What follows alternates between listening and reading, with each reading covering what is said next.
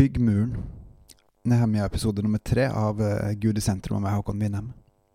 Hva ser du? Da Moses og israelsfolket sto på landegrensa inn til Kanans land, så sendte inn tolv speidere. De kom tilbake og fortalte om alt det flotte og fantastiske, all den rikdommen som var på det landet, om folka som bodde der. Og ti av de sa at dette er helt umulig å innta, og det gjorde sånn at folket ikke trodde på at det var mulig å ta, det, eh, å ta landet. Mens to andre, Josva og Caleb, de sa at det her landet er nok umulig å ta inn, men med Guds hjelp så er det mulig.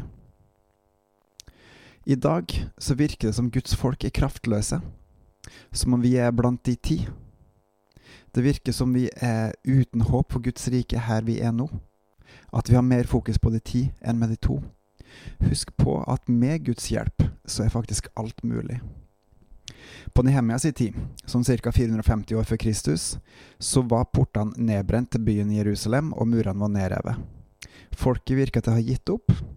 Eh, de hadde vært der i nesten 100 år, og de tilba Gud i tempelet, men de var forsvarsløse, og hvem som helst kunne spasere inn i Jerusalem og til tempelet, både de troende og ikke-troende, både jøder og ikke-troende.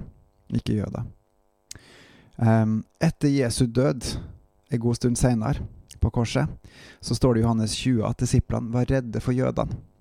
Og mens de var redde for jødene, så kom Jesus, og han ga dem noe. Han ga dem fred. Han, ga, han sa 'Jeg sender dere', og motta Den hellige ånd. Vi vet alle hva som skjedde i etterkant av det her. Eh, blant annet at det var 3000 nye, eh, nye troende den første dagen. Men hvilken relevans har det her for i dag? Nummer én har du Jesu fred? Har vi Jesu fred?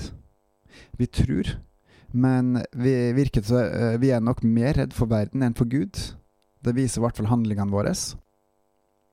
Og Jesus han sender oss. Går vi?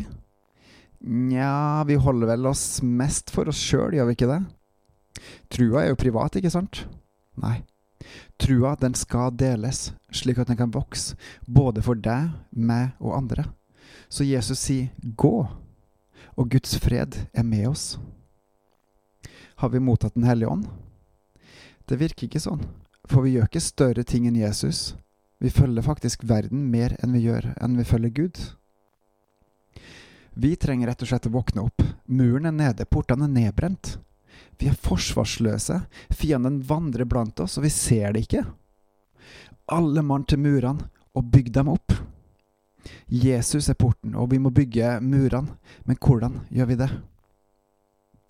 Det står i Salme 127 Er ikke Gud bygningsmann, så bygger vi forgjeves. Vil ikke Gud verge oss, så er vi forsvarsløse.